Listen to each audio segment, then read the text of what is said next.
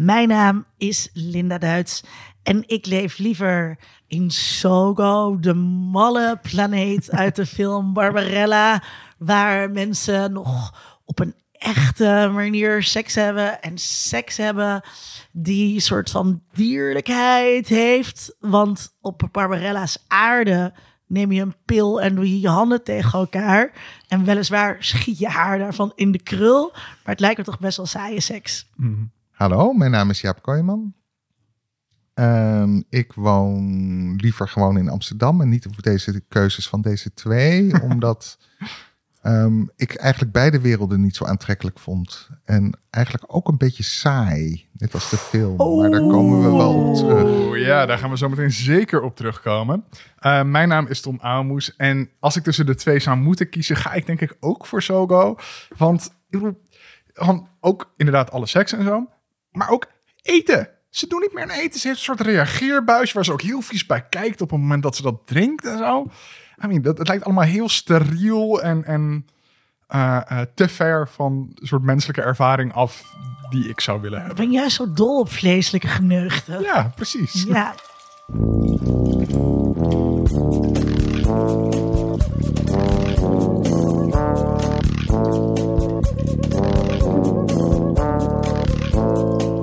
U hoorde hem al, Jaap Kooijman is weer bij ons te gast. Uh, ja, je was wel eerder om het net als over Herbie te hebben. Mhm. Je bent universitair docent mediastudies uh, aan de Hoofddocent. UvA. Universitair, oh sorry, sorry, sorry, sorry. Universitair hoofddocent mediastudies en de vice-directeur van ASCA. Ja, klopt. Welkom terug. Leuk om je te hebben. Ja, en vorige keer vroegen we ons nog heel erg af of Herbie wel geeky was. Mhm. Maar ik denk dat niet dat we met, dat met dit onderwerp weer hoeven te doen, toch? Ik denk dat het, dat het obviously geeky is. En eh, eh, heel terecht dat we het bespreken in deze podcast. Ja, ja leuk mij ook. Eh, Sarah Boevadis zou ook bij ons zijn vandaag. Maar die is helaas ziek. Gelukkig heeft ze wel het een en ander voor ons opgenomen. Dus je hoort daar nog wel door de aflevering heen. Ehm, ja, en dan zullen we gelijk met haar beginnen met de terugblik, denk ik.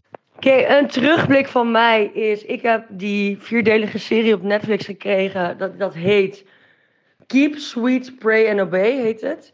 Ehm, het gaat over die FLDS-kerk in Amerika. Die Mormoonse kerk van Warren Jeffs.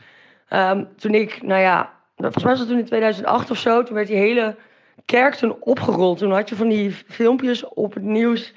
Nou, dat van die bussen op zo'n ranch gingen binnenvallen... en dat daar, nou ja, allemaal van die poly- polyga- polygame mensen woonden... met van die enorme pastelkleurige jurken, met van die poefkapsels... Dus ik wist dat nog heel erg van vroeger. En deze serie die draait zeg maar daarom, om die kerk van Warren Jeffs. Dus het gaat helemaal over het ontstaan. En dat gaat dan met mensen die nou, daar vroeger bijvoorbeeld aanhanger van waren... en die daar nu van weg zijn gegaan. Zie je die hele geschiedenis van nou, de, hoe ze zijn afgesplitst van de Mormoonse kerk. Ehm, nou, hoe, die, hoe ze op die ranch zijn gaan zitten. Al die heel erg enge polygame relaties die er zijn ontstaan. Ja, het gaat natuurlijk ook over kindermisbruik en dergelijke, omdat volgens mij zo'n Warren Jeffs had dan niet van 70 bruiden of iets dergelijks. Allemaal zo rond de 13, 14. En uiteindelijk ja, zie je ook hoe het met die Warren Jeffs is afgelopen. Maar ik wil het natuurlijk niet eh, spoilen nu. En ik, ja, ik ben altijd best wel gefascineerd door eh, sectes. Ik weet niet hoe dat komt. Ik denk dat ik altijd best wel benieuwd ben waarom mensen nou bij die sectes zijn gegaan. Eh, en waarom ze er ook bij zijn gebleven. En sommige in deze serie zie je bijvoorbeeld, die zijn dan weggegaan. Die hebben dan wel hun kinderen weer achtergelaten. Ik vind het altijd onwijs interessant. Ik heb toen ook die hele serie gekeken over Jim Jones. Over de jaren 70, die secte, die toen allemaal tegelijk zelfmoord hebben gepleegd in de jungle. Nou, ik vond het best wel een interessante serie in ieder geval. Ik vond het wel heel erg Amerikaanserig. Dat is wel alles wat ik erover zal zeggen. Eh, dus dat was mijn terugblik. Keep, Sweat, Pray and Obey klinkt als een lugubere, of nou niet luguber, maar in ieder geval wat duistere docu op Netflix. Eh, ik heb hem niet gezien, jij wel? Nee, ik ook niet. Eh, ja, naar. Gewoon daar, daar houden we het op. Ja, het is een Zo. soort, een soort. Ja, ik hou wel van true crime. Ja. Ehm, en, dat, en dat is dit natuurlijk. Maar het is ook wel met die sectes. Ehm, ja, ik weet niet. Ik zou zo graag. Wat Sarah ook al zo zegt, ik zou zo graag wel eens willen weten wat mensen dus echt drijft om bij zo'n seks te gaan. En daar kom je dus nooit achter, omdat je altijd alleen maar afvallige hoort. Ja. En nooit, zeg maar, vanuit eerste hand van mensen die dus nog steeds daarbij zitten van wat er dan zo tof aan is. Ja, want dat beeld is dan eigenlijk altijd al verkleurd door het verlaten ja, eh, van de cult. ja, mensen die er niet meer bij willen horen. Ja, Zouden we eigenlijk eh, aan eh, Tom Cruise moeten vragen? Die zit nog steeds bij Scientology. ja wat, wat hij daar nou zo tof aan vindt. Wil Ja. hij vast uitgebreid over praten. Ja. Ja, wat eh, heb jij gezien en beleefd dat je de luisteraar wil aanraden? Nou, dat is al een oudere serie, volgens mij uit 2018. En ik, moet n- ik weet eerlijk gezegd niet meer op welke streamingdienst ik heb, hem heb gezien. Maar Dat, dat, zetten we in de show notes. Zoek ik gewoon voor je na. Ehm, Zo ben ik. Maar dat is eh, A Very English Scandal. Over, ehm, die hebben jullie misschien al eerder besproken. Een driedelige serie over het schandaal rond eh, de Britse politicus Jeremy Thorpe. Die in begin jaren 60 een relatie krijgt met een jongen, eh, Norman eh, Scott. En een soort vlierenfluiter model. En dat gaat pas tien jaar later echt opspelen en dan wordt het een schandaal. Maar het schandaal gewoon puur het feit dat hij met een jongen die relatie heeft. Ja, en die jongen die... eh, ja, het is een heel raar verhaal, want die heeft een, een, een soort eh, eh, burgernummerkaart nodig... of een National Health Insurance kaart nodig. En die wil dat van Jeremy Thorpe. Ah. En Jeremy Thorpe moet dat regelen, maar die wil dat niet. En die denkt dat hij wordt geblackmailed. Dus er loopt alles door elkaar heen. Ehm, maar de hoofdrol wordt gespeeld door Hugh Grant. En ik heb norm- normaal niks met Hugh Grant, maar hij is echt, echt heel erg goed in deze serie. En het is dus heel serieus. Het is ook een heel belangrijk onderwerp. Het gaat over homoseksualiteit. eh, wat, wat, wat echt nog een crime was in de jaren 60 in, in Engeland. En eigenlijk in de jaren 70 ook nog. Dus het geeft ook een mooi tijdsbeeld. En tegelijkertijd is het heel slapsticky. Dus het is heel, eh, heel Brits. Ik hou, hou normaal helemaal niet van Britse humor. Maar hier werkt het gewoon echt heel erg goed. En wat ik zo mooi vond... En, ehm, die eh, jongen wordt gespeeld door Ben Winslow. Die, die toevallig ook net weer terugzag in de Perfume.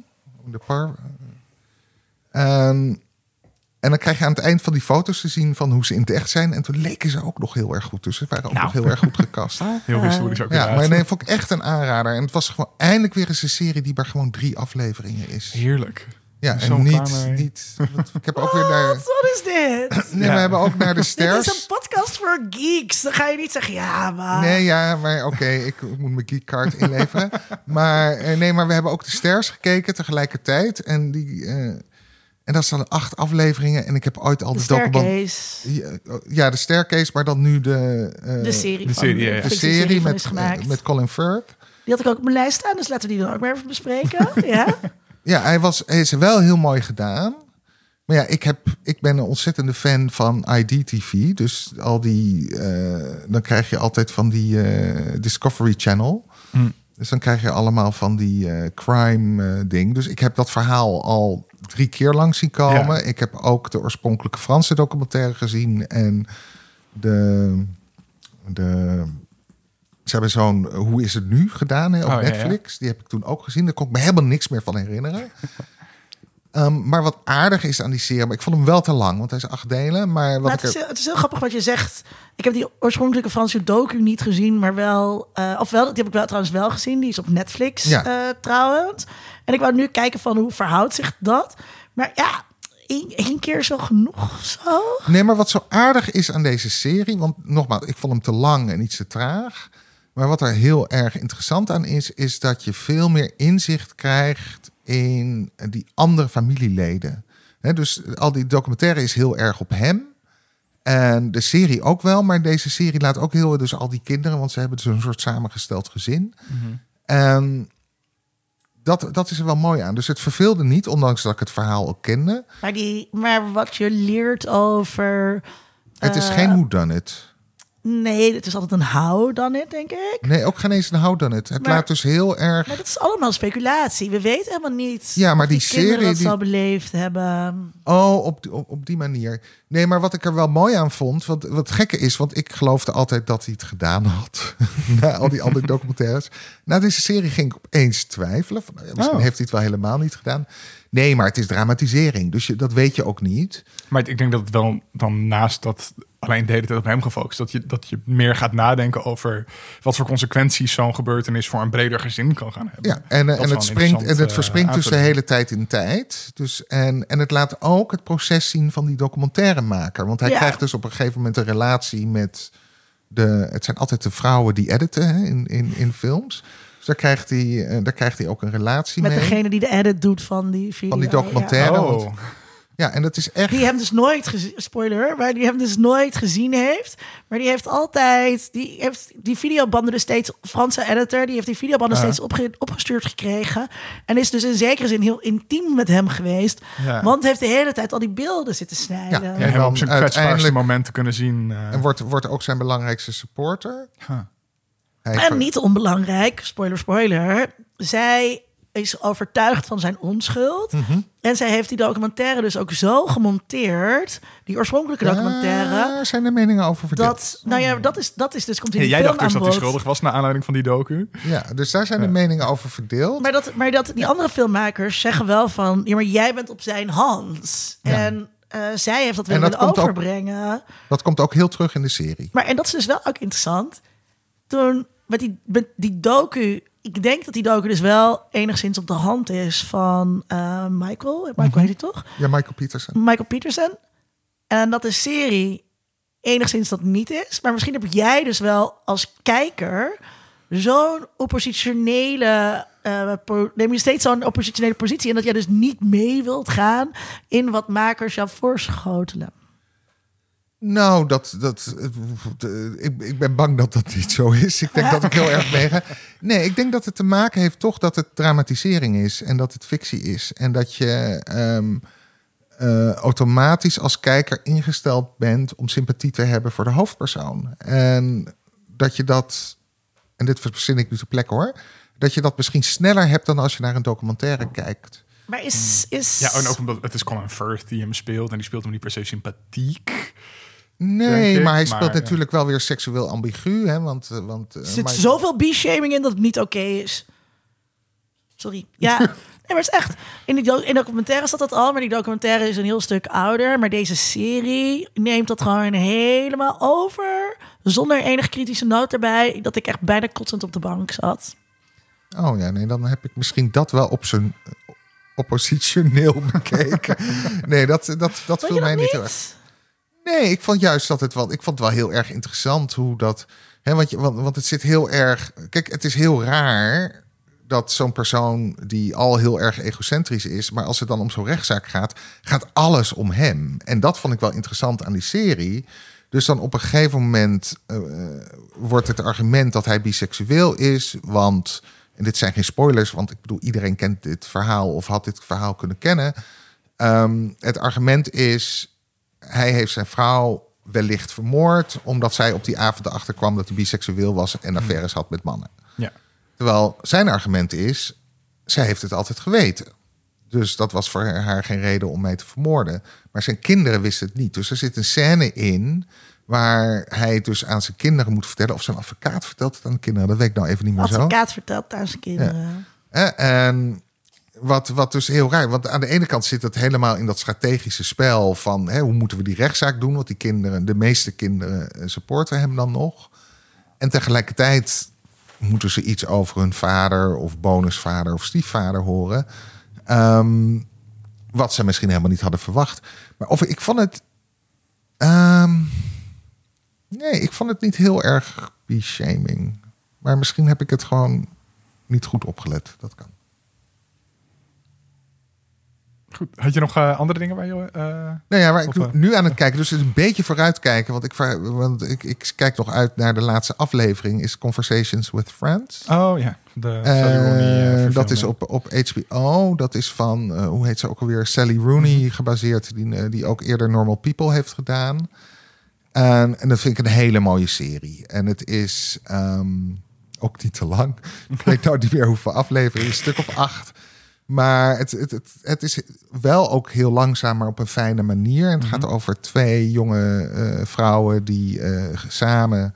Nou, A, ehm eh, exen zijn. Dus ze waren, zo, het was een lesbisch setje op, op de middelbare school... waarbij de ene iets dominanter, uitdagender is dan die andere. En die andere, dat is zeg maar het hoofdpersoon.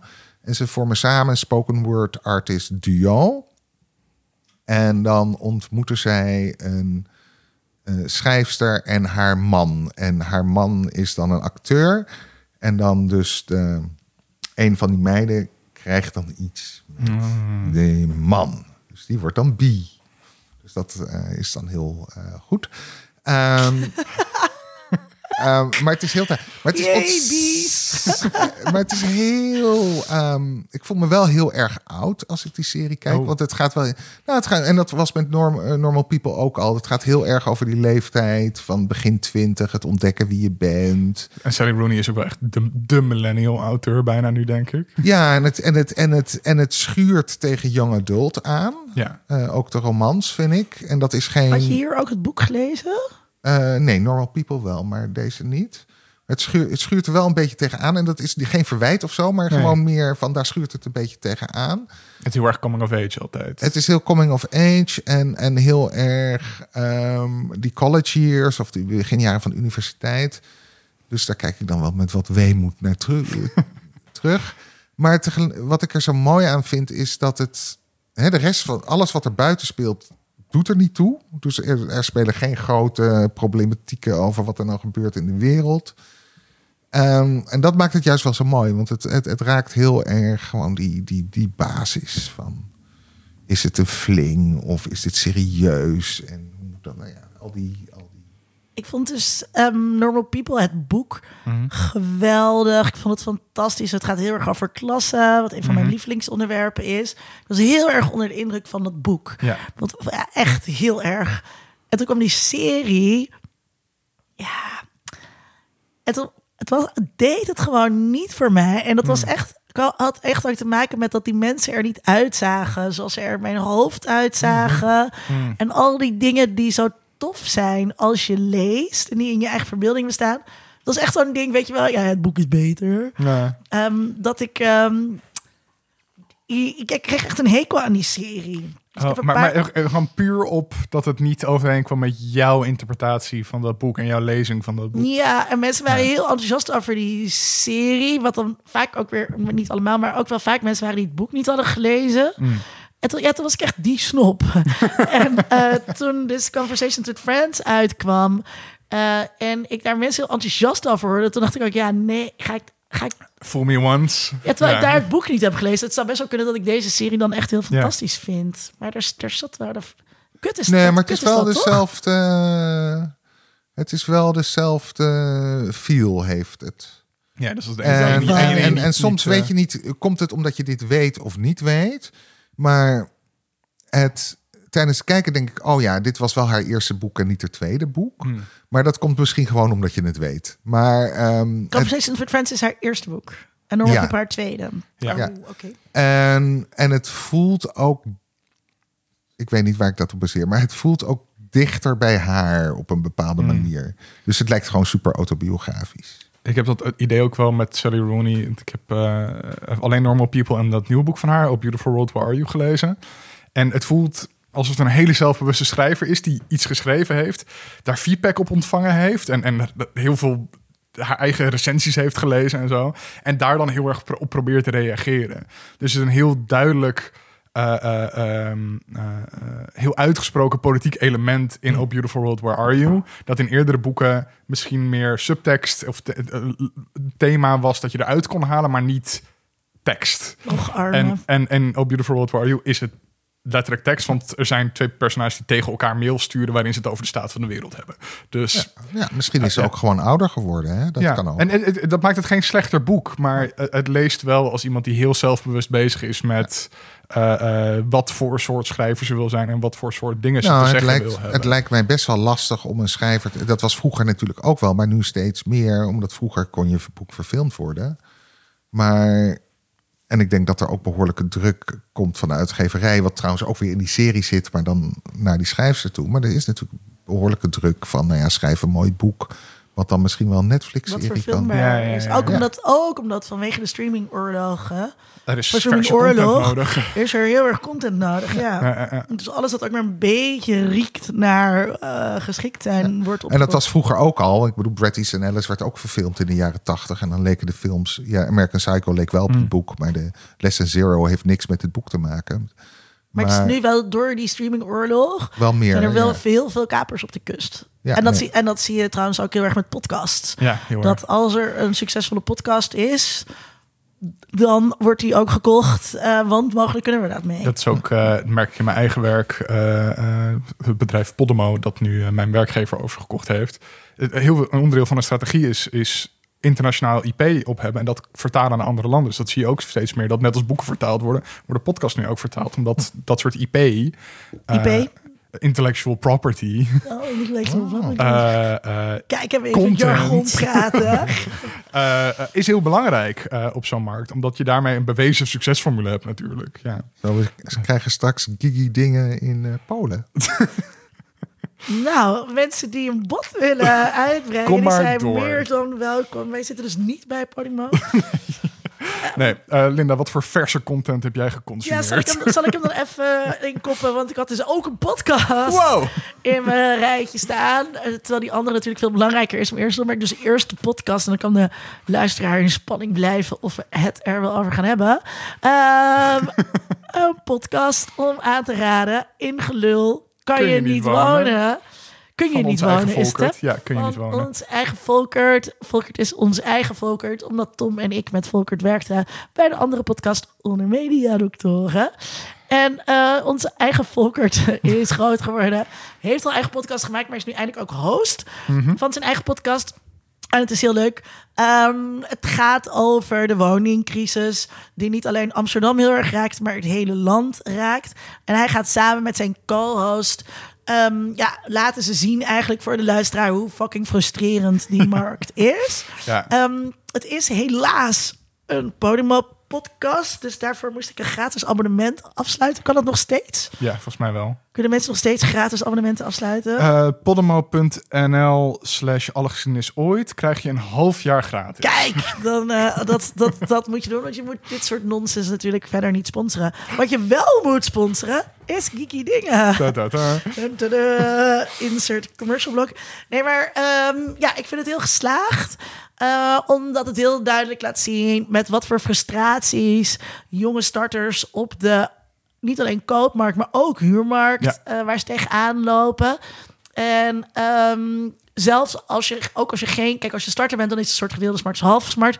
Maar ook als je geen starter bent, is het denk ik heel inzichtelijk om die gekte mee te krijgen. Ja, het is heel erg. Ik, merk dat zelf heel erg dat heel veel onder mijn generatiegenoten. eh, ik kan iemand op straat tegenkomen, een beetje bijkletsen. En over twee, eh, twee minuten later heb je het over de woningmarkt. En over hoe fucked up het allemaal is. Het, het is gewoon altijd het gespreksonderwerp. Ja. En ik vind dat het heel goed gelukt is om in deze podcast en die frustraties allemaal naar boven te halen, maar ook inzichtelijk te maken hoe zo'n reis naar een koopwoning of een huurwoning, hoe dat gaat, wat, wat voor obstakels je daar kan hebben en wat voor middelen je dan kan gebruiken om die obstakels hopelijk misschien weg te nemen. Ja, ja, en het is echt, het is echt wel gek hoe dat is gegaan. Ik woon namelijk al heel lang in mijn eigen huis. Ik woon hier al sinds 2004, dus dat is 18 jaar.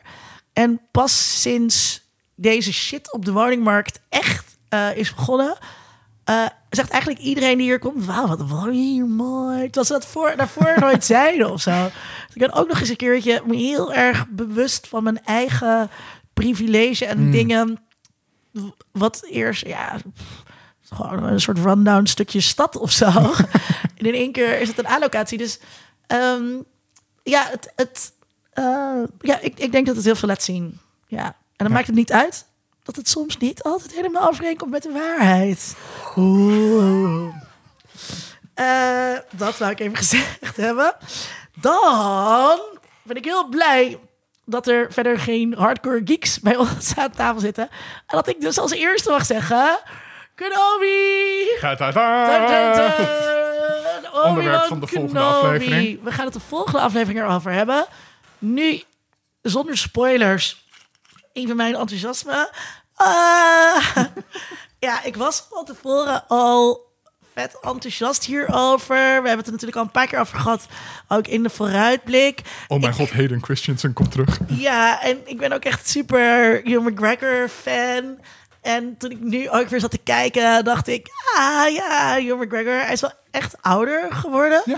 Maar ja, het is gewoon... Het is zo'n plezier om hem terug te zien Ja. in die rol. Die hem ook zo goed staat en zo goed past. En ehm, het is... Het is ze- eh, je ziet best wel veel stukjes terug eigenlijk uit de films, uit de Ja. genummerde versies. Eh, wa- waardoor ik niet weet, zeg maar, ik weet niet hoe interessant dit is als je die nooit gezien hebt. Ik denk het niet. Oh, trouwens, super tip. Disney Plus had op Twitter een soort huiswerk opgegeven. Ik kan me niet voorstellen dat de geeks nog niet begonnen zijn met dit kijken, maar eh, het is wel even waard om dat terug te zoeken. Of kan je ook even aan mij vragen, of kunnen we, kan we even linken in de show notes eh, naar, die, eh, naar die tweet van Disney Plus. Met dus dingen om je voor te bereiden op dit. Met een aantal mooie afleveringen van de Clone Wars. Oh, die heb ik ook niet gekeken. Ja, ik had, het, even doen dan. ik had het dus nooit gekeken. En dat was wel echt interessant. We hebben natuurlijk ehm, Es- eh, Esther Krabbenberg... Krabbedam? Krabbedam. Krabbedam te gast gehad. Die wel al die Clone Wars heeft gekeken. En die toen ook al zei... Er zitten al een aantal heel interessante plots, eh, plotstukjes in over Mandalore. Mhm. En die, dat zit ook in dit huiswerk. Ehm, maar wat wil ik nou zeggen? Ehm, ja, dus ik weet niet hoe, of het voor, voor niet-ingewijden... of je deze serie los kunt kijken. Maar voor ingewijden was het... Het is voor mij wel echt een... Ja, heel een erg enthousi- En ik had, eh, ja, voor jou ook, toch? Ja, ik vind het wel heel erg leuk. En ik- Een feest van herkenning natuurlijk. Ik vind hem nog niet heel goed. Ik vind hem niet briljant nog. Maar hopelijk gaat dat dan, nu we richting het einde gaan, wel komen. Eh, en ik, ik weet niet wat ik verwacht had. Maar ze zijn natuurlijk, Hayden Christensen komt terug. Oh mijn god. Ja, dat betekent natuurlijk heel weinig. Want hij is Darth Vader. En zijn stem wordt nog steeds door James, eh, eh, James Earl Jones gedaan. En hij zit ook maar de helft van de tijd in een pak. En er zijn een paar shotjes dat je dan als je heel goed kijkt, kan zien dat ergens onder de dikke lagen make-up en het masker voor zijn mond, dat het Hayden Christensen is. Eh, maar ik ben blij dat hij de paycheck heeft gekregen, want die, die heeft hij wel verdiend op zich. Ja, vind je dat hij ehm, gerehabiliteerd moet worden?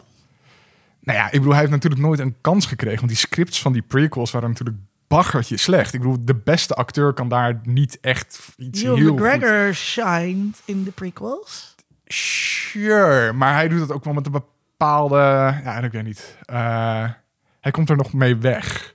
Maar hij is een van de weinigen in de prequels. Vind ik. ik vind de prequels echt, zonder uitzondering, best wel heel erg slecht. Ja, de trouwe En ik- luisteraar weet dat ik, ik weet, ik weet wat ben. Linda's mening is. Ehm, maar ik bedoel, die, die lines over zand, dat het grof is en ruw en dat hij het haat. Ik bedoel, niemand had daar iets mee kunnen doen. En daarna heeft hij nooit echt een kans meer gekregen. Dus ik heb nu wel zoiets van, nou ja, hè, gun hem nog even wat. Ik had dus eh, episode 3 uiteraard. Uiteraard. eh, want ik zit ook in het huiswerk. En uiteraard weer gekeken. Toen voelde ik me weer zo gesterkt. En wat ik dus heel grappig vind... is dat er dus nu allerlei think pieces verschijnen... waarin De prequels de, de, gerehabiliteerd de prequels wordt. gerehabiliteerd worden. Ja. En dat is natuurlijk voor iemand zoals ik het ultieme gelijk. Mhm. Ik vond de prequels, ik vond, eh, dus ik had ook getwitterd, ik vond episode 3 al de beste vers voordat het cool werd. maar het, het- ja, dat, en het is, die rehabilitatie is wel terecht. Het zijn hele politieke films. Ja, Oké, maar het zijn twee- geen goede films. Twee is dodelijk zijn. Nee, drie is echt een goede film. Je kijkt hem en er zitten zulke fucking fantastische stukjes in. Er Eh, zitten fantastische stukjes in. als ja, Pat May zegt, this is how liberty dies, with thunderous applause. Als de emperor eindelijk laat zien wie hij is. Oh, uh, power. En ja, dat, dat, dat ehm, ja, wat maakt dan een goede... Nou ja, oké, ik zal, ik zal ophouden Iets voor met... volgende week. Ik zal ophouden met fangirlen, maar het is dus niet gek dat ik ook helemaal dus super into Ja, deze Obi-Wan ben. Ja.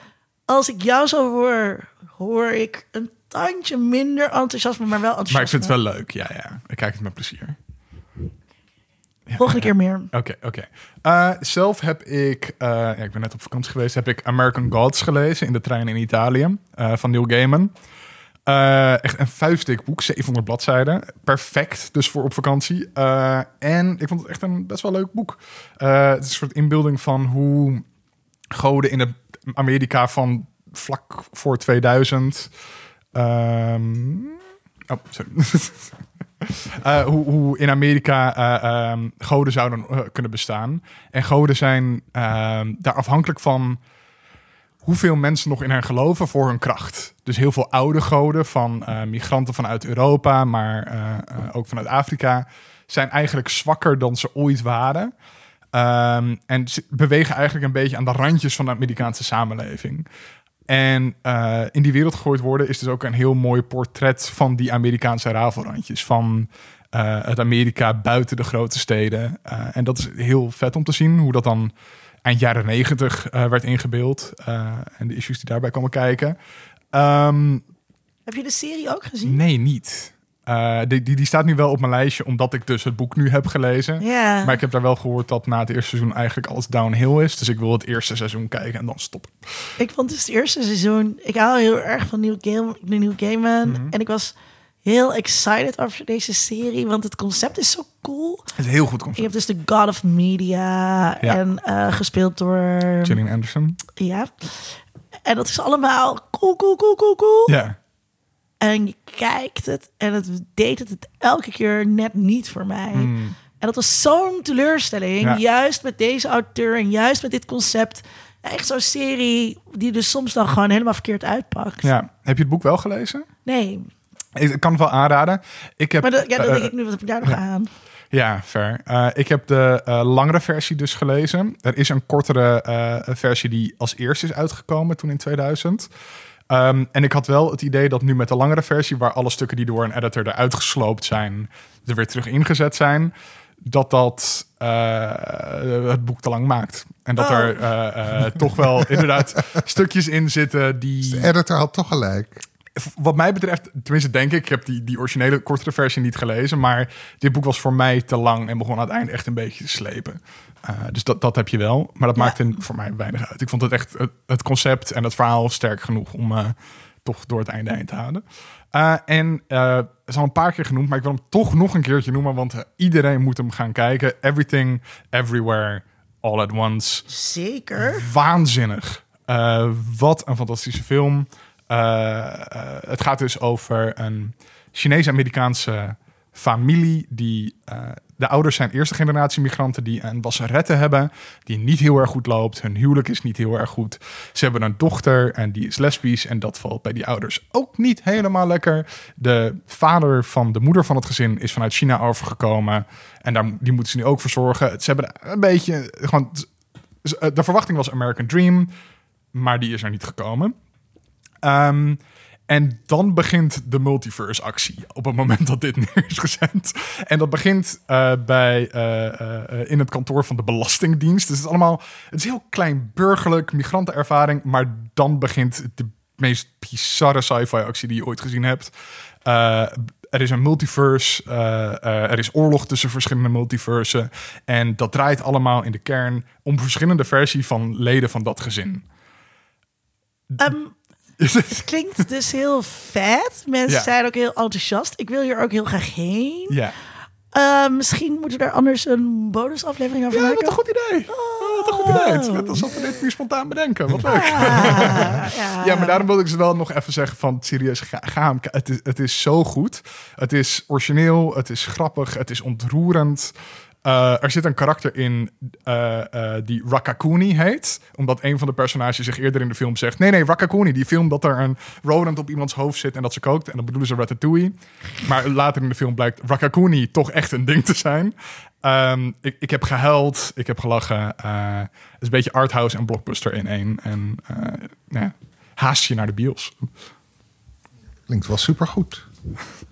Het, het is echt heel bizar. Het, het is. Het is eh, ik heb zitten huilen bij, bij een scène met stenen met googly eyes erop. Die dan met elkaar aan het praten zijn. En ik moest huilen. Het, is, het, slaat helemaal nergens op. Het is echt. eh, eh, ja. Mag ik nog een snel vraagje stellen? ja. Zijn minions ook geeky? Zeker. Want dan wil ik ook nog wel één ding noemen wat jullie zeker moeten ho- horen. En dat is namelijk de nieuwe single van Diana Ross. Sorry. Ja, maar dat is de lead single van de nieuwe soundtrack van de Minions. Die ehm, eh, geproduceerd is door Jack eh, Antonoff. Dat is de man achter Taylor Swift onder andere. Maar de single is Diana Ross samen met Tame Impala. Ik vind het En dat vind ik best wel geeky. dat dit met En het- Minions en Tame Impala en Diana Ross, dat deze drie dingen samenkomen. Samen in en dan heet dan Turn Up the Sunshine. Ik ga En hij is al uit. De, de, de soundtrack komt pas over een week uit of zo, op 1 Uh-huh. juli. Maar de single. Maar de single is al uit en heet Turn Up the Sunshine. Diana Ross, ga dit zo 78 luisteren. jaar. Tame Impala. The weirdest en heel geeky combination die je... Zeker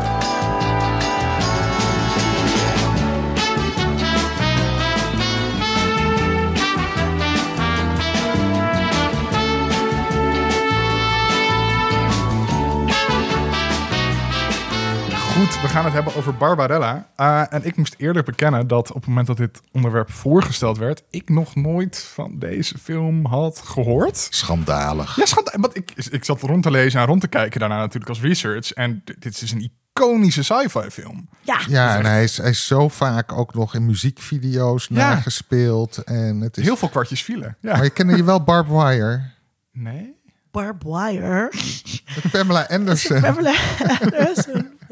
Ja, maar die is ook geïnspireerd op Barbarella. Waar erg eh, naar verwezen wordt in de recente eh, serie Pam en Tommy. Precies. Die ik ook niet gezien heb. Die moet je ook kijken. Nee, maar het is wel... Kijk, oh, dat is ook een van de redenen waarom ik deze film eh, graag wilde bespreken. Dat als je deze film niet kent als geek, dan moet je hem kennen als geek. Ja, Ja. het is wel een classic. Ja, Zeg ik als non-geek. Ja. Maar gewoon als filmwetenschapper is het echt wel een film die je gezien moet hebben. Ja, staat, staat hij ook op het lijstje soort van als je filmstudies doet, is, is dit onderdeel van het curriculum? Nee, dat niet meer. Dat niet.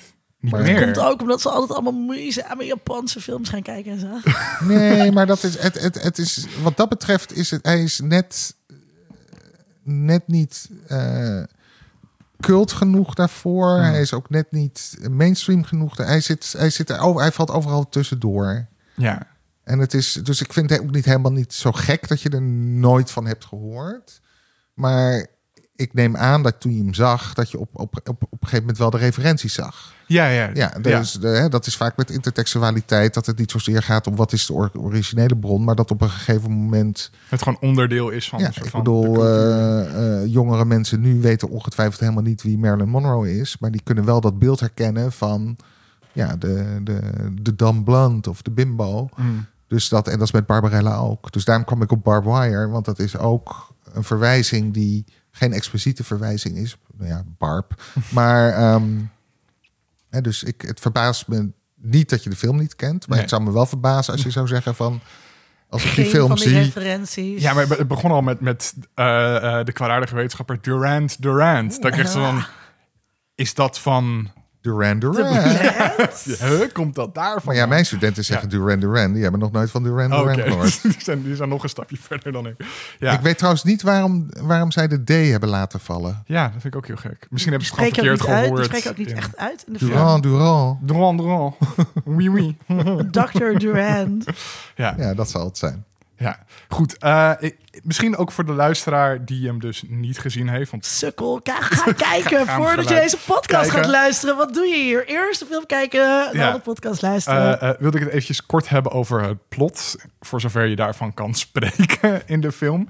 Want het begint met een striptease. eh, van Barbarella. En daarna krijgt ze naakt de opdracht van de president van de aarde om een maniak, Durant Durant, die een superwapen gaat maken, te stoppen. En vanaf dat moment is het eigenlijk een serie aan soort van hijinks, aan ontvoeringen en seksuele ontmoetingen. eh, die uiteindelijk leiden tot de orgasmatron ontmoetingen. eh, en het verslaan van Dr. Durant Durant. Ja, Eh, maar- het doet er allemaal niet zo toe, toch? Ik zat gisteren toen ik hem voor de zoveelste keer keek. Want ik heb deze film echt wel meermaals gezien. Het is een van mijn. Nou, niet, ik zou niet zeggen een van mijn lievelingsfilms. Maar het is wel een film die ik heel graag kijk. Om redenen die uiteindelijk gaan worden in deze podcast. En dus ik zat nu wel op het plot te letten. Of ik zat ook een beetje soort aantekeningen te maken van. En toen, en toen. Maar het doet, het doet er echt niet toe. Dus het is best wel in. ehm, ja, kijk, het, het is gebaseerd op boeken. Eh, waarin Barbarella meerdere avonturen beleeft. En dat zie je hier ook een Ja. beetje terug. Dus het is een soort- episodisch. ja, het is episodisch inderdaad. Dus ze beleeft een aantal eh, avonturen. En het maakt niet zoveel uit of daar nou een rode lijn in zit. En niet, dat is ook helemaal niet de point van deze film. Die zit, de point zit heel erg in het gevoel dat het opleeft, dat, er, dat het oplevert. En in wat, hoe je hier tot Barbarella verhoudt. En in de outfits en in de muziek. En in de onwijs fantastische sets. Dat het is meer een trip Ja. dan dat het, dan dat, het plot nou relevant is. En misschien wel goed ook om te zeggen dat het eh, gebaseerd is op een stripboek. Hè? Dus Ja, het ja, ja. is op een comic, eh, wat je ook wel terugziet in ja, die, die, die gemaaktheid van die set. Ja, het is wel heel duidelijk dat inderdaad de regisseur gewoon zat van... ik wil een stripboekverfilming maken die een stripboekverfilming is. Dat Ja. je dat echt terug kan zien. Ehm, ik weet dat, eh, dat Sarah zich erg eh, vermaakt heeft. Mhm. Ehm, die had hem ook nog nooit gezien. die zat mij ondertussen eh, te appen van wow, epic, epic, epic. Maar wat, wat had jij voor, voor... Je had hem ook nog nooit gezien? Ik wist ook niet zo goed dus wat ik moest verwachten. Dus ik ben best wel koud die film ingegaan met... we gaan Barbarella kijken, sure, ik ga Barbarella opzetten. Dus ik wist helemaal niet de culturele context van de film. Verder dat ben ik pas na het kijken allemaal op gaan zoeken. Eh, dus ik moest even van... Hè, wat gebeurt er allemaal? Dus dan ben je ook heel erg zoekende tijdens het kijken van de film. Wat, wat kijk ik hier? Waar kijk ik en hoe moet ik het kijken? Ja. Is dit serieus? Is dit een grapje? Is dit allemaal tong in cheek? Of want het, het, ik vind ook het, het nog steeds een moeilijk grijpbare film, want er zitten bepaalde politieke ideeën in over maatschappij en seksualiteit, maar tegelijkertijd is het ook een hele soort van platte sci-fi film en ook gaat heel plat met seksualiteit om. Eh, en is het Or soort does van, it? Or does it? Da, da, da. Ehm, en, en Jane Fonda speelt het heel sexy en heel dom. En soort van heel erg, nou niet dom, maar heel erg wereldvreemd. Naïef een beetje van, oh, seks. Universum vreemd. Universum vreemd. Universum vreemd. Eh, maar ze is wel een soort van eh, vrouwelijke actieheld die toch zelf uiteindelijk eh, voor elkaar bokst. Dus de- het is een film vat vol tegen- tegenstrijdigheden. En daar gaan we zo meteen natuurlijk allemaal doorheen. En dat is ook wel mijn hele kijkervaring. Dat ik aan het einde zat van... ik weet nou niet zo goed wat ik hiervan moet maken. Did you love it? Ja, het was wel heel leuk. Ik bedoel, het, het, het is wel een film met heel veel plezier. eh, waar ik ook gewoon met heel veel plezier naar heb zitten kijken. Want het is ook gewoon heel grappig. Ja. Wat er allemaal gebeurt. Dat ze gewoon hoe, ze het bedacht hebben. Van waarom wordt ze aangevallen door kleine poppen? Ja, ja, een fantastische scène. Dat er gewoon sowieso kinderen zijn ook evil. En dan, ze wordt op een gegeven moment gevangen genomen door kinderen. En dan denkt ze, oh wat leuk, kinderen. Ja. Maar die kinderen hebben dan allemaal evil poppen met echt zo van die soort eh Chucky Ja, kak- ja, tandjes. Die ja. En op een gegeven moment heb je ook scène met die verzetsheld, die acteur. Met heet secret nou? passage en de secret key. Ja, En, hij heet ook Dildano. zo. Eh, maar dat is ook, die acteur is van, van Blow Up. Dus dat is een hele serieuze arthouse film en zo.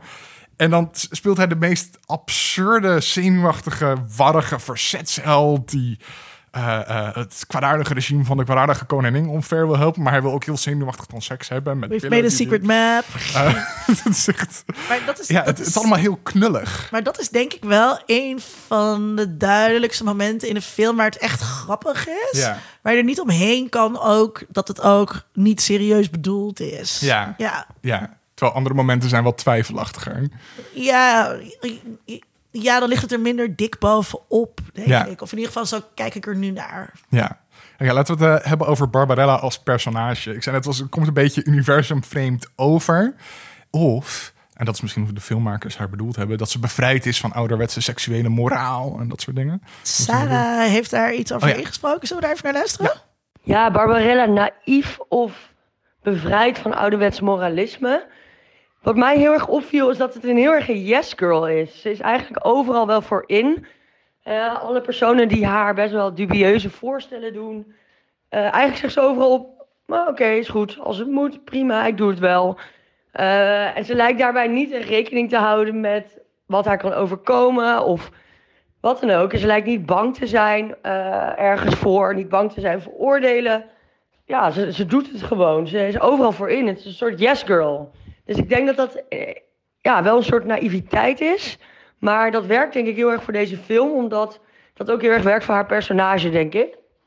Eh, dat iemand die eigenlijk het continu zegt: It's nice, it's okay, ik doe het wel, kom maar op. En ik vond het ook wel heel fijn, want in de huidige wereld heb je ook heel veel nee-mensen. Mensen die eigenlijk liever nee zeggen dan ja. Ik heb het er met Linda ook wel eens over gehad. En ik vond het wel verfrissend, gewoon iemand die overal ja op zegt. Die in de film niet één keer nee heeft gezegd, zelfs, denk ik. Eh, dus dat. Ja, dus Sarah zit duidelijk in kamp bevrijd van ouderwets moralisme. ja, hoe zie, hoe zie jij dat, Jaap? En dat is een hele lastige vraag, want eh, er, er zitten zoveel kanten aan. Ten allereerst is het een film uit de jaren, eh, uit de jaren 60, uit 68. 1968. Ja, Dus je moet hem eh, heel erg binnen die context plaatsen. Ehm, het hangt ook ontzettend af hoe je het ervaart. De popcultuur in het, eh, in het algemeen, maar zeker een fenomeen als dit, is eh, meerduidig. ja. Dus het is de bedoeling eh, dat aan de ene kant, zonder over de bedoeling van de makers, maar gewoon in het algemeen.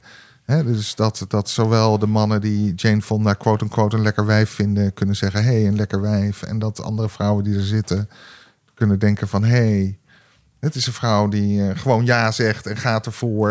En eh, ding. Dus dat is, dat is heel. eh, vooruitstrevend, vrijpostig. Hè? Dus dat is juist, kan een rolmodel zijn. Maar die twee dingen kunnen samengaan. En dat Ja, ja. is altijd geweest. Ik bedoel, John Fisk maakt hetzelfde argument over Madonna in de jaren tachtig.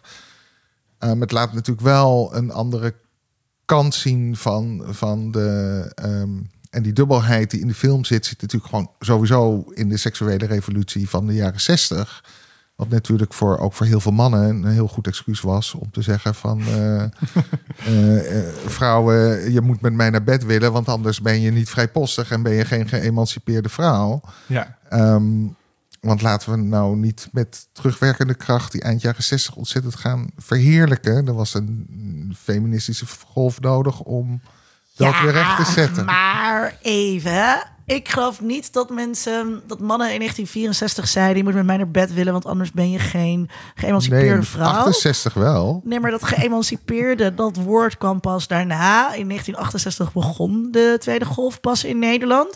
Dus ik geloof niet dat dat een argument was waarmee mannen eh, in 1967, 68, 69 vrouwen het bed probeerden eh, in te lullen.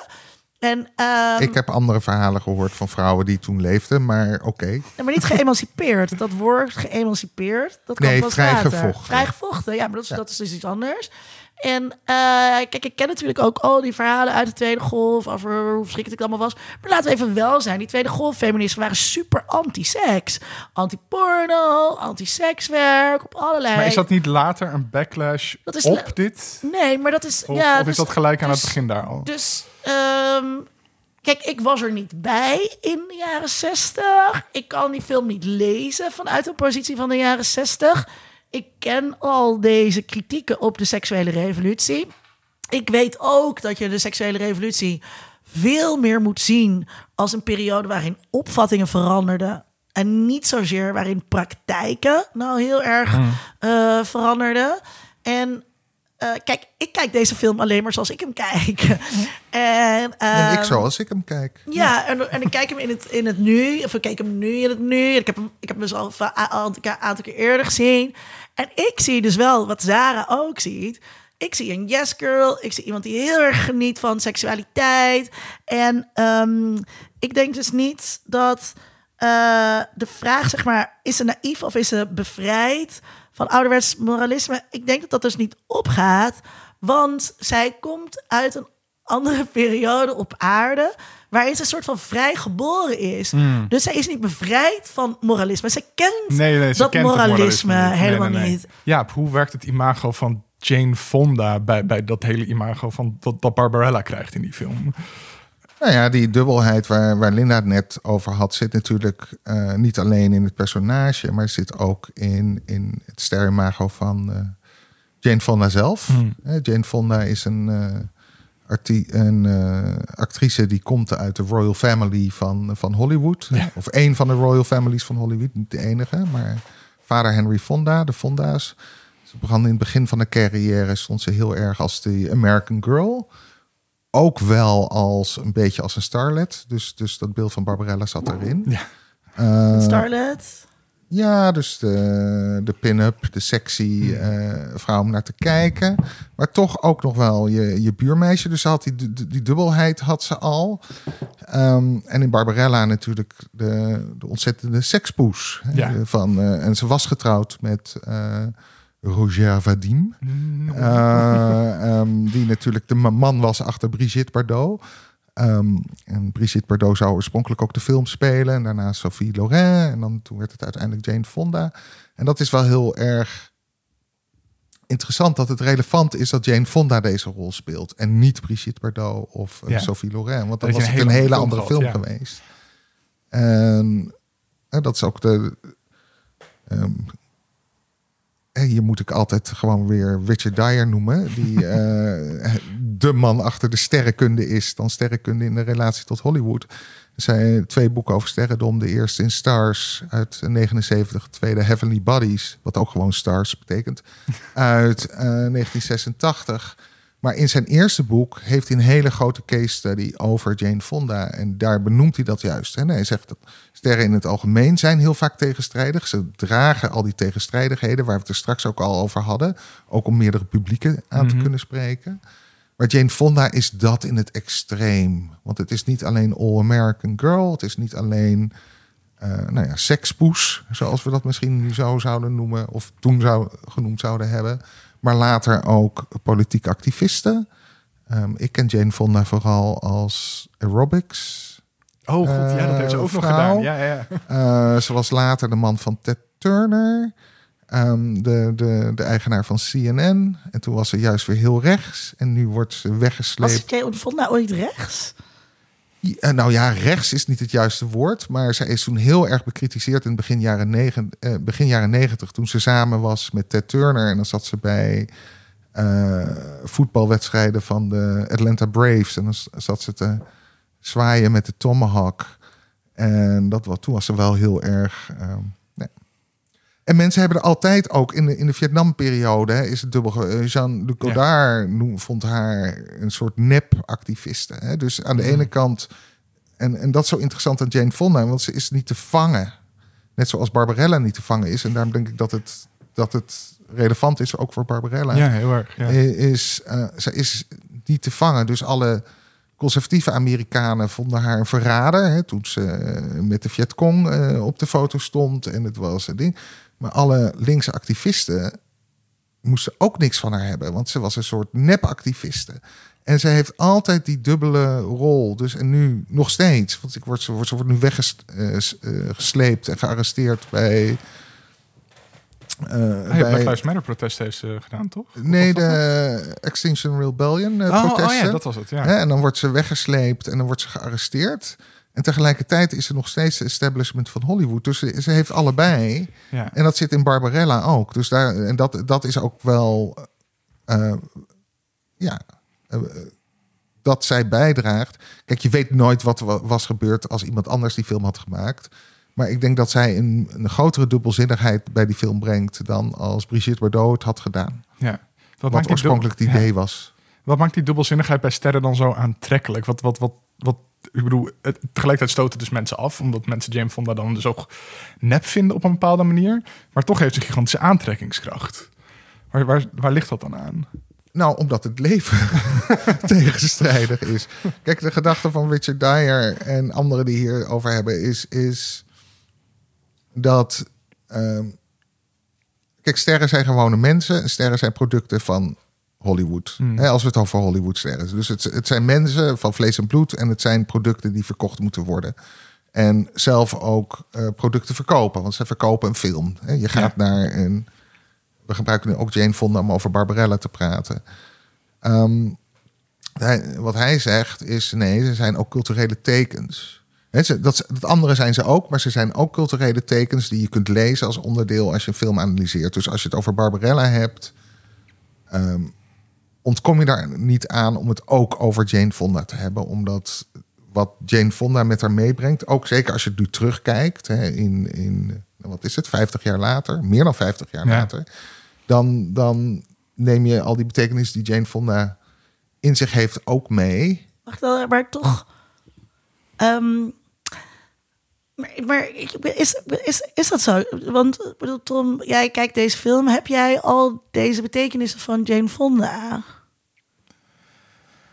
Eh, ik niet, maar dat is omdat ik Jane Fonda nooit bewust heb meegemaakt. Ja. Terwijl Jane Fonda is voor mij iemand ergens in de culturele achtergrond. Dit is de eerste Jane Fonda film die ik volgens mij ooit gezien heb. Dus dat, dat gaat voor mij denk ik niet op. En heb je, hoe heet het? Frankie en... eh, Frankie en Grace, nee, nooit gezien. Nee, oké. nee. Dus dat... Want Ik weet dat Jane Fonda bestaat, natuurlijk. Eh, maar eh, eh, ik, ik breng dat niet mee in mijn kijkervaring op die manier. Maar dat heeft er gewoon mee te maken met dat ik van een andere generatie ben... waarin, waarin zij gewoon niet die rol op zich heeft genomen. En als je dan terugleest over de jaren 60 en de, de, de rol die ze dan heeft gespeeld... dan snap ik dat veel meer. Omdat zij op hetzelfde moment in Vietnam aan het rondlopen was... op het moment dat Barbarella in de bioscoop stond. Dus dat Maar, maar dat geldt natuurlijk voor alle elementen uit de film en niet alleen van de acteur. Nee. Want er zijn, er zijn andere dingen die connotaties met zich meedragen die je moet kennen. Ik bedoel, en dat het eh, een verschil is of je een Amerikaan bent of een Europeaan of een eh, Japanner als je het bekijkt. Of eh, generatieverschillen of seksenverschillen. Dus, Ja.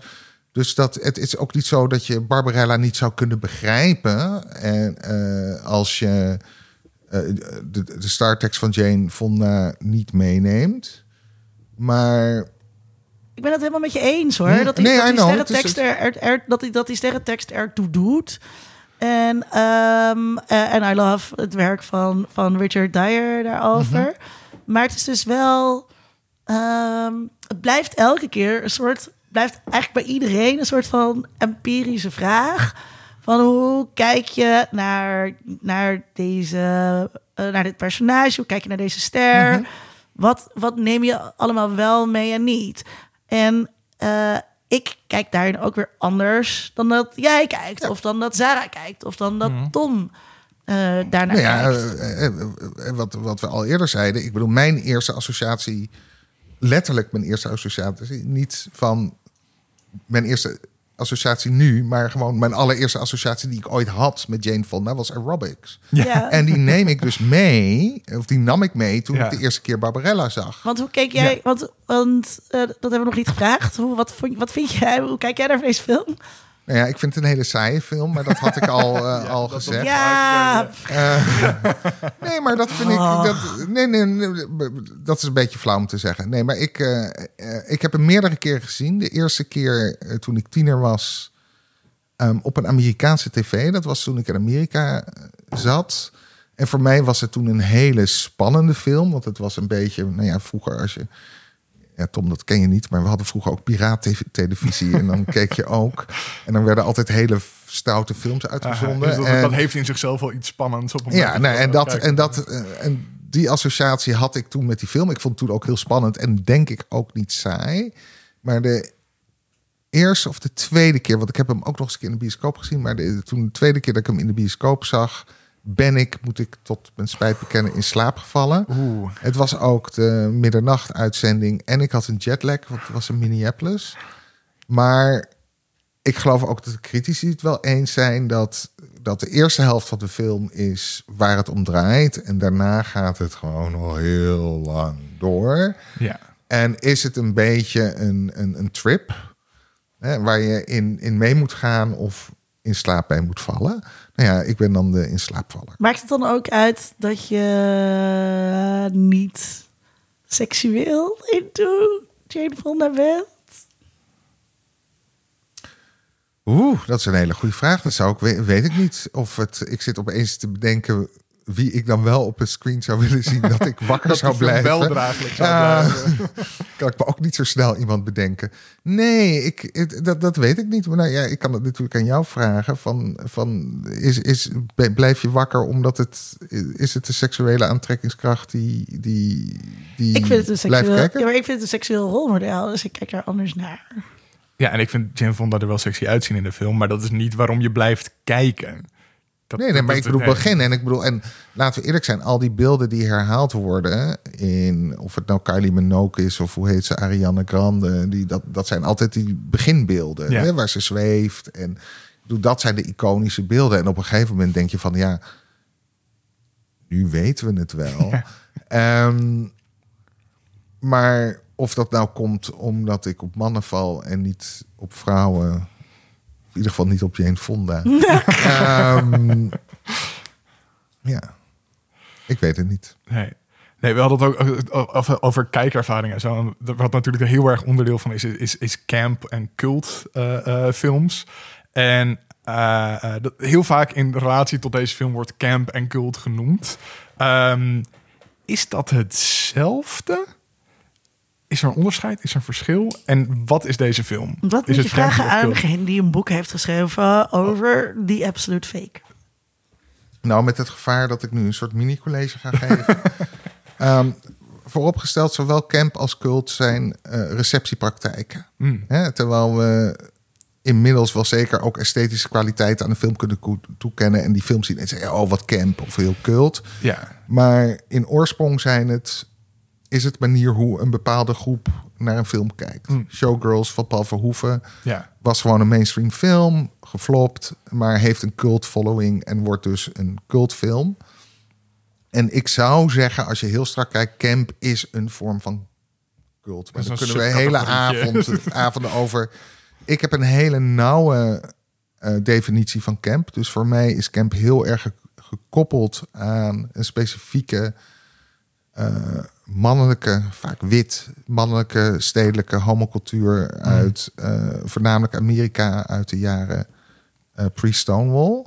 Hmm. Ehm, ik weet dat daar andere perspectieven over zijn. En daar heb ik ook met heel veel mensen over gediscussieerd. En ik wil dat die andere perspectieven ook niet wegnemen.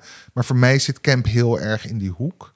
Dus als je me zou moeten vragen, is het camp of cult? Zou mijn eerste antwoord zijn, het is meer een cultfilm. Mhm. Ehm, maar tegelijkertijd weet ik te weinig over de receptiepraktijken van Barbarella... om het wetenschappelijk te kunnen onderbouwen dat het een cultfilm is. Ja, ja dus eh, cult en niet camp, omdat het dus niet met, met die, die pre-Stonewall homoseksuele cultuur. Nou ja, misschien wel, maar dat weet ik dan niet. Oké, oké, Ja. ja. ja. Maar Linda, misschien weet we- Linda dat beter dan ik. Hoe kijk jij daarnaar? Ik, ja, ik denk dat het een cultfilm is. De recensies waren toen de tijd niet al te best. En het is een film die pas later, eh, volgens mij, op een andere manier de waardering is gaan krijgen. En, en ik denk dat dat te maken heeft met wanneer iets een cultfilm is. Ik vind het heel lastig ook om dat te definiëren. En eh, juist vanwege die intense impact die eh, de film heeft gehad op, op populaire cultuur, daaruit lees je dat, dat cultgehalte af. En ik vind het wel grappig dat ehm, wat, ehm, wat, ik, wat ik hoor van mensen die de film dus nooit gekeken hebben. Oh, oh oké, ja, inderdaad, dit herken ik of zo. Ja, ja, ja. Weet je wel, dat, dat, dat laat al zien dat, dat het dus cult is zonder dat mensen het gezien hebben. Ja, ja, ja. Eh, en we hadden het net al een beetje over hoe we zelf die film vonden. Eh, ik, ik had in het draaiboek staan, is de film so bad it's good of daadwerkelijk leuk? Eh, ik denk dat bij Jaap het allebei niet is.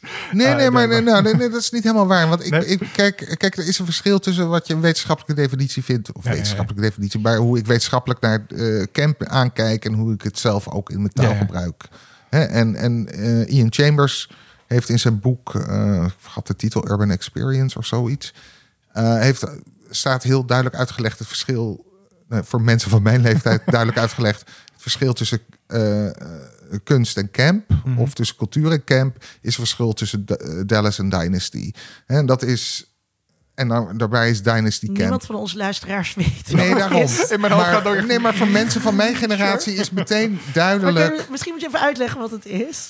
Nou ja, nee, maar dat, maar dat, is, dat is de gevoelsmate. Dus als je niet eh, specifiek gaat kijken naar specifieke receptiepraktijken... en, Hmm. en dat je loskoppelt van die, die, die eh, Maar homoseksuele... eh, ook. nee, maar ook van de specifieke homoseksuele subcultuur... uit, uit die specifieke periode. Ehm, kijk, Dallas is gewoon populaire cultuur... maar Dynasty is camp, want die heeft die knipoog... en die heeft Ja, de, ja, de, ja. de ding. En op Ja, maar die dat is manier... eerder mijn associatie met camp is inderdaad Dallas de, en Dynasty zijn alle twee eh eh, dramaseries uit de jaren tachtig. Ja, Ja, eh, Rondom rijke ik zelf net. families. Ja.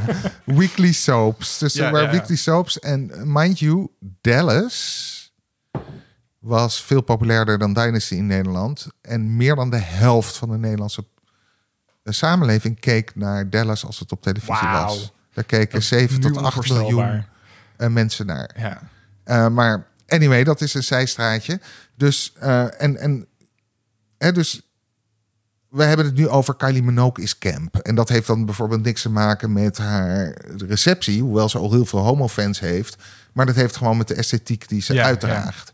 Hè, dus, en, en, en dan gaat ze het Barbarella, omdat Barbarella zo camp is. Dus als, als ik kijk naar die beelden, dan vind ik het ook camp, omdat het de, de esthetiek heeft van de dingen die vroeger door bepaalde groepen als camp werden gezien.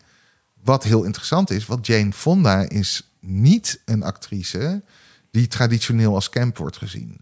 Dus dan is het Betty Davis, is Judy Garland, later Barbara Streisand en eigenlijk nooit Jane Fonda.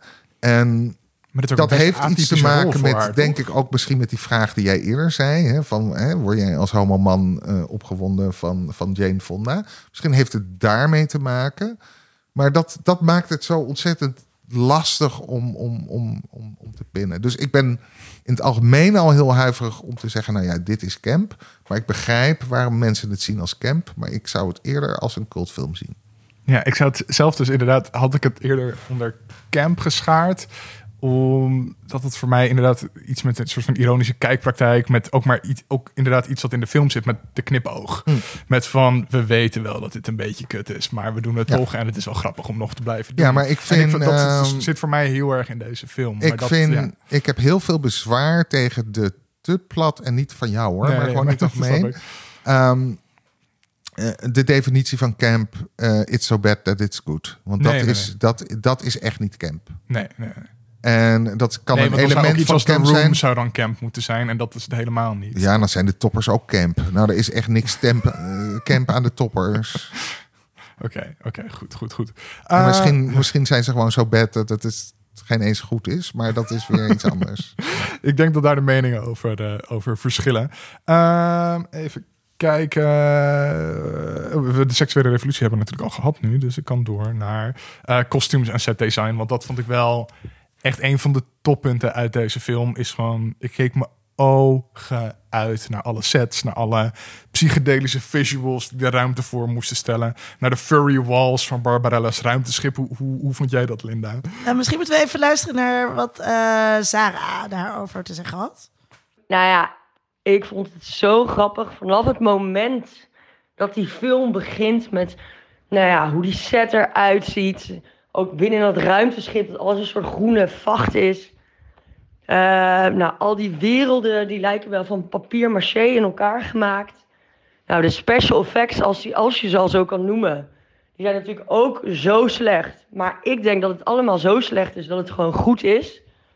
Eh, het waren allemaal werelden waarvan ik dacht, ondanks dat het er niet uitzag, ik wilde er toch zijn. Het zag er onwijs gezellig uit. Het was denk ik onwijs campy qua outfits. eh, maar ik denk ook dat heel veel mode echt is gebaseerd op deze film. Eh, of eh, allerlei kleren die mensen nu dragen tijdens raves, tijdens queer parties. Ik denk dat dat allemaal echt nog meerdere keren in de modegeschiedenis is teruggekomen. Ehm, trouwens, over die pakjes van Barbarella gesproken. Mijn god, ik heb echt mijn lippen li- zitten aflikken daarvan. Wat een inspiratie, toch? Die pakjes die zou, ja, zou ik echt allemaal wel willen hebben in ieder geval.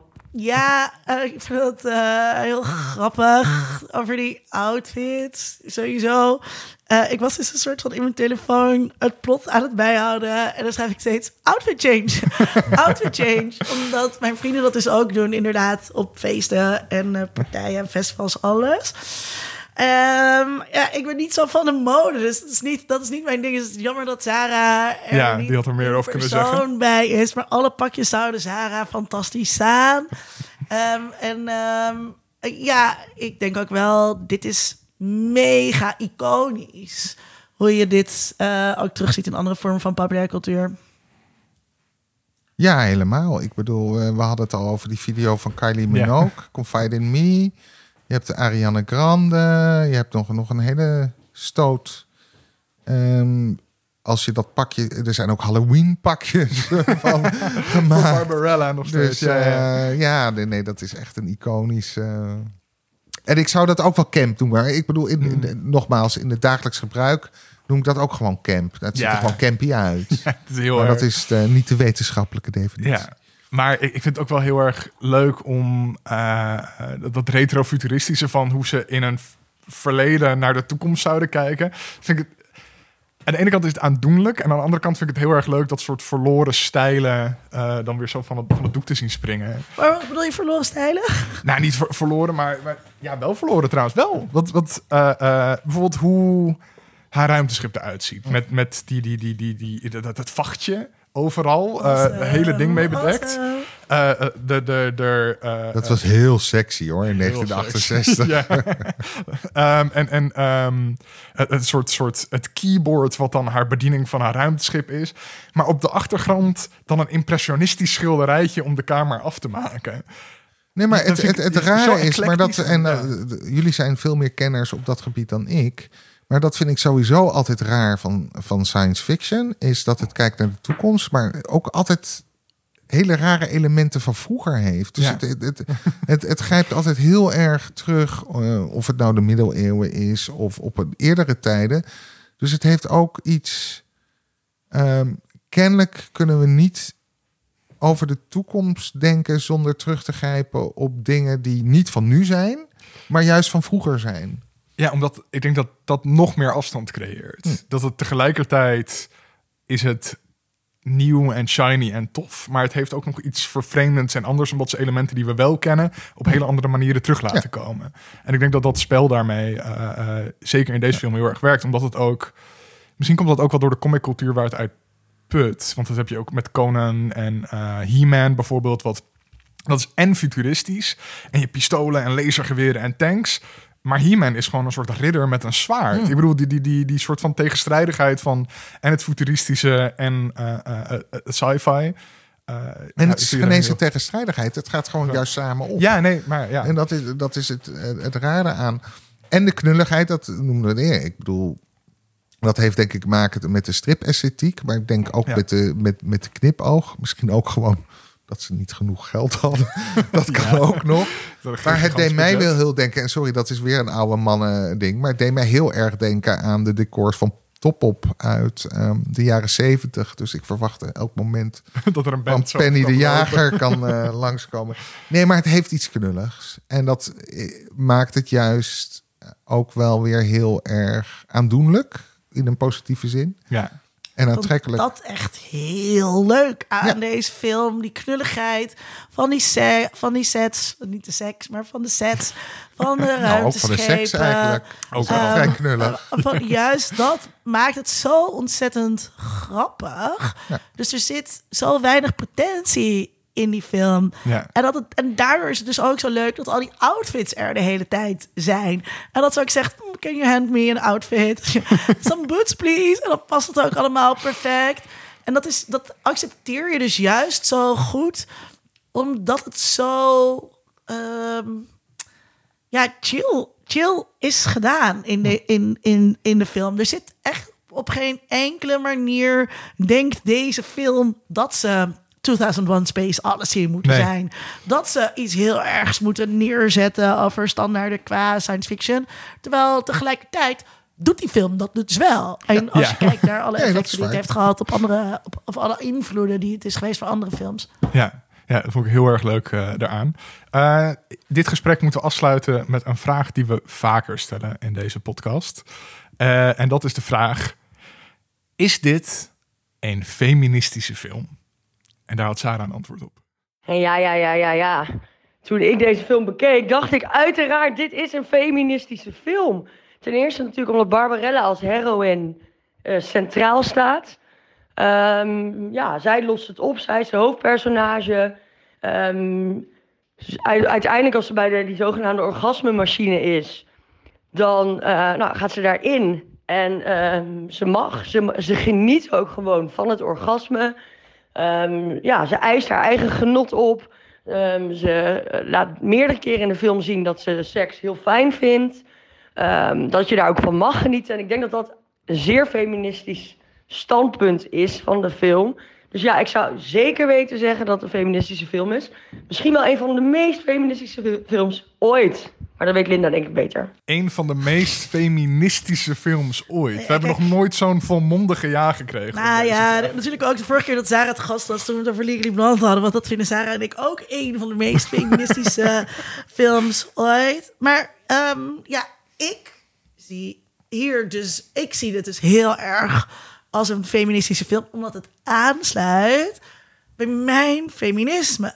En ik weet dat heel veel feministen daar heel anders over denken. En feminisme is natuurlijk geen eenduidige stroming en alles. Maar voor mij, en wat dat betreft zijn Zara en ik natuurlijk van dezelfde school... ja, is het echt gewoon... ehm, dat, dat waar Sarah het eerder over had, over, over dat ja zeggen en ehm, dat ongedwongene dat erin zit, seks als heel onproblematisch tegemoet treden, los van alle morele codes die daaraan hangen. Dat maakt het voor mij ook tot een feministische film. En eh Jane Fonda sowieso als een Feministische held. voor mij. Ja. Ja. Maar ik kan me goed voorstellen dat als je ehm, van een andere school eh, bent, van een andere slag bent, dat je het afschuwelijk vindt in termen van feminisme. Ja, hoe, hoe kijk jij daarnaar? Nou ja, ik vind. eh, nou, ten eerste ben ik een man. En dat klinkt misschien heel flauw, maar dat, eh, eh, ik vind dat ik niet op de eerste plaats sta om te bepalen wat feministisch is of niet. Ik, ik vind dat. dat eh, daar heb ik ook wel. Daar vind ik wel wat van, maar ik vind dat. dat eh, wie ben ik om eh, een vrouw die een vrouwelijke rol speelt en te zeggen dat is niet feministisch.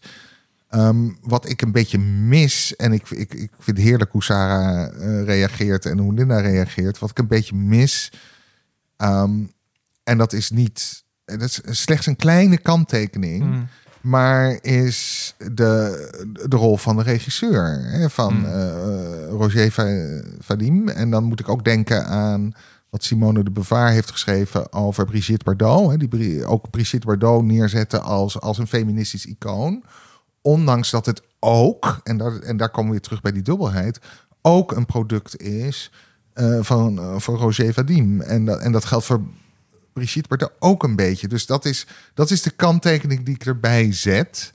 Ehm, wat niet wegneemt dat het inderdaad een heel sterk eh, feministisch... Ik kan het niet uitspreken. feministisch icoon is... Maar dat we ook tegelijkertijd niet blind moeten zijn voor de, de, de, de industri- industriële context en, en de context van de tijd waarin het gemaakt is. eh, dat het toen nog, nog steeds een man nodig was om een feministisch icoon neer te zetten. Ja. Ja, Ik dat- denk, maar denk je dat hij ooit bedoeld heeft om haar als feministisch icoon neer te zetten? Was het daar ook niet te vroeg voor? Nee, maar het is ook niet de bedoeling. Het eerste wat dat weet je ook. Het eerste wat we leren, het gaat nooit over de bedoeling van de maker. Ehm, Maar was het niet ook, bedoel, in 1968 ook toen Nee, maar het is, heel raar, niet- het is heel raar als je naar Jane Fonda kijkt. Hè? Dus dat hoe... En, en dan komen we weer terug op die dubbelheid. En mis- ik wil niet een nieuwe boxer opgooien. Maar het is heel raar als je kijkt naar haar relatie. Haar drie mannen. Dus je hebt, je hebt eh, misschien zijn het er meer, maar die drie die ik weet. Eh, dus die Vadim, die hem eh, dus van haar een soort tweede Brigitte Bardot maakt. Wat dus kan uitmunten in een soort feministisch icoon. Maar het is to- toch een beetje wat John Derrick deed met Bo Derrick, wat hij eerder met Linda Evans deed. En, en, en dat, dat zijn toch mannen die vrouwelijke, vrouwelijke sterren creëren. Toen was ze met, oh god, hoe heet hij nou, die Heden? Ik ben zijn voornaam even kwijt. Niet Christensen. Ehm, nee, maar dat was haar man. In de tijd van de politieke periode was ze met, met die eh, politicus Sam Heden.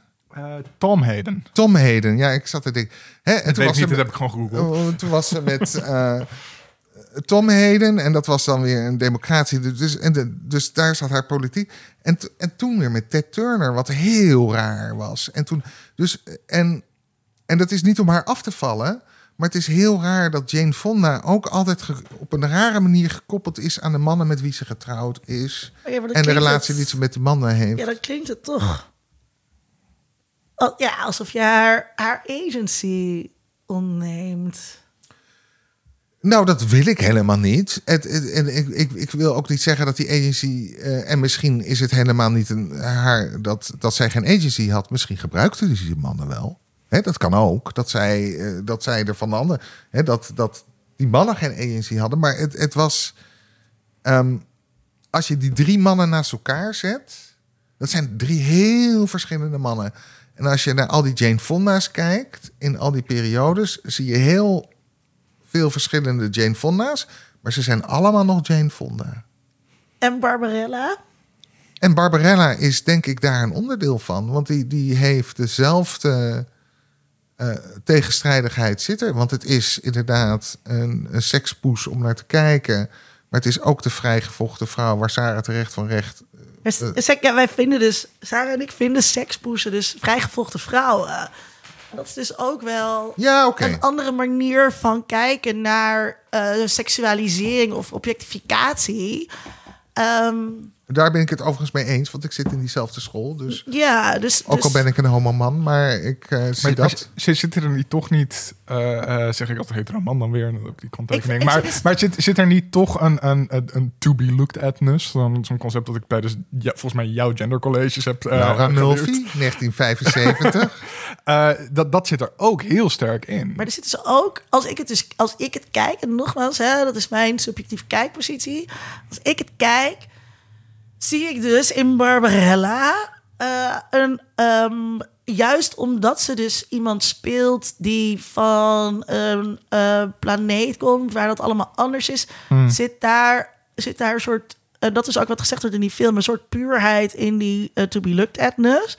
Waarin zij daar dus niet zozeer misbruik van maakt of zich daarin schikt. Maar Ze is niet het wulps doet- aan het doen voor een het man. doet haar, of, het doet eh, haar dus niks. Nee, nee. Want zij ziet het niet op die manier. En in die zin is ze dus vrij van die negatieve normen die eh, wij, wij met ons meedragen als het gaat over seksualiteit. En misschien is dat een soort wensdenken van mannen Mhm. in de jaren zestig ieder geval van de regisseur. van de regisseur. Ja. Maar het is ook mijn fucking wensdenken Ja, ja. van een vrouw in 2022 Ja, daar die ben ik het mee eens. te maken heeft met slutshaming. Hmm. En in deze film, deze film is zo vrij van elke vorm van slutshaming, dat het daardoor eh, een soort is- viering is van die seksualiteit die zij heeft. En laten we vooropstellen, zo'n orgasmemachine, dat is natuurlijk geweldig. En dat ze dus- daarvan wint. Ja, maar en voor mij, dus ik, ik heb deze film dus meerdere keren gezien. En de eerste keer dat ik hem zag, was denk ik, ik was redelijk jong. Vroeger, kwamen dit soort oude films nog gewoon op tv. En dan zette je de tv Lineaire aan. TV. en sorry, wat is dit? het- Vertel me meer. langs. En die orgasmemachine, ja, dat is mij altijd eh, bijgebleven. Hij heet trouwens... De Exciter of zo? Excessive Pleasure Oh, dat. of zo. eh, het, toch? Hij? Machine, Even kijken. Ja, de excessive pleasure machine. en zij wordt daar dus ingestopt als straf. En vervolgens verslaat zij die machine. En voor mij toen, en ik was toen echt een pubermeisje, ik denk redelijk jong. Het heeft altijd indruk op mij gemaakt van eh, als ja echt als als een eh, feministisch icoon. Ja, nee, maar ik, dat, ik, ik zie dat meteen. Deze man denkt al dat hij me gek kan maken als hij het orgel bespeelt. Hij wordt zelf ook bijna gek, hè?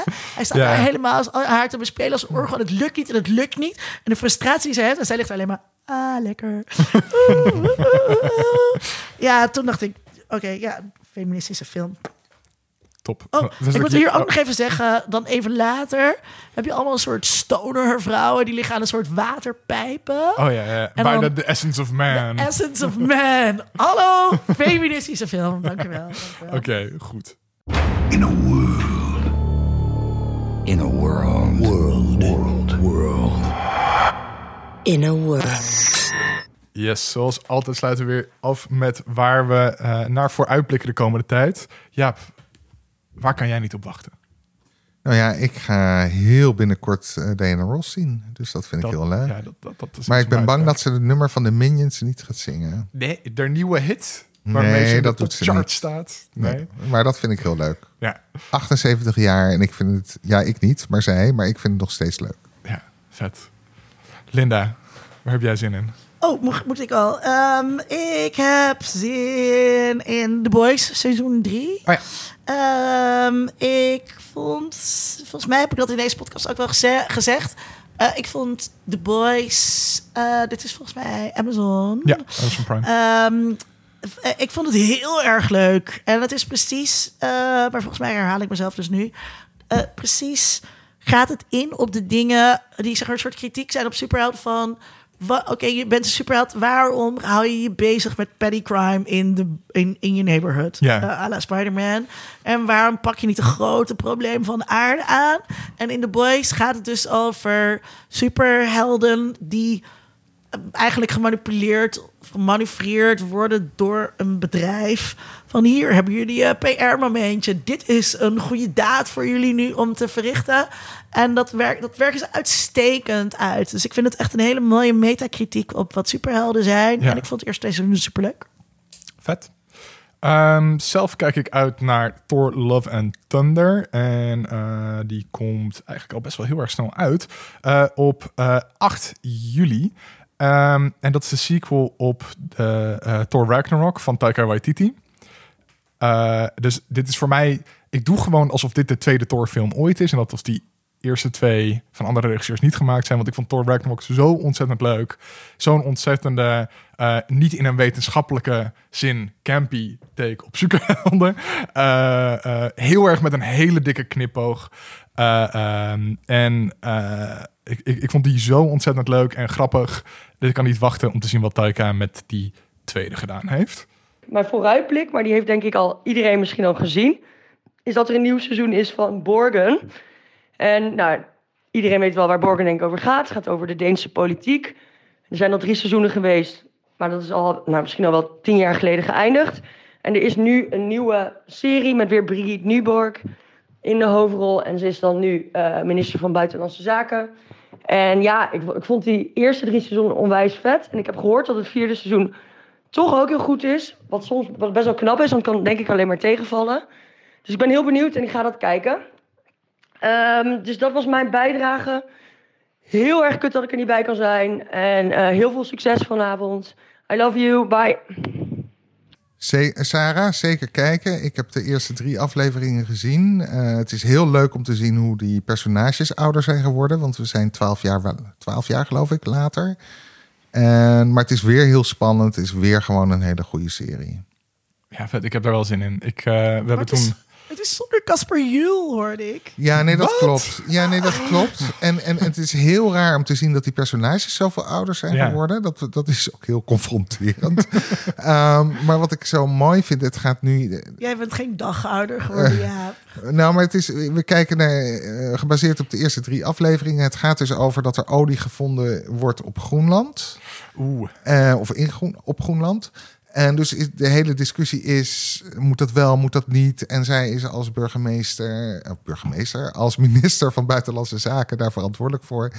Ehm, ja, het is fascinerende televisie. Echt weer heel knap gedaan.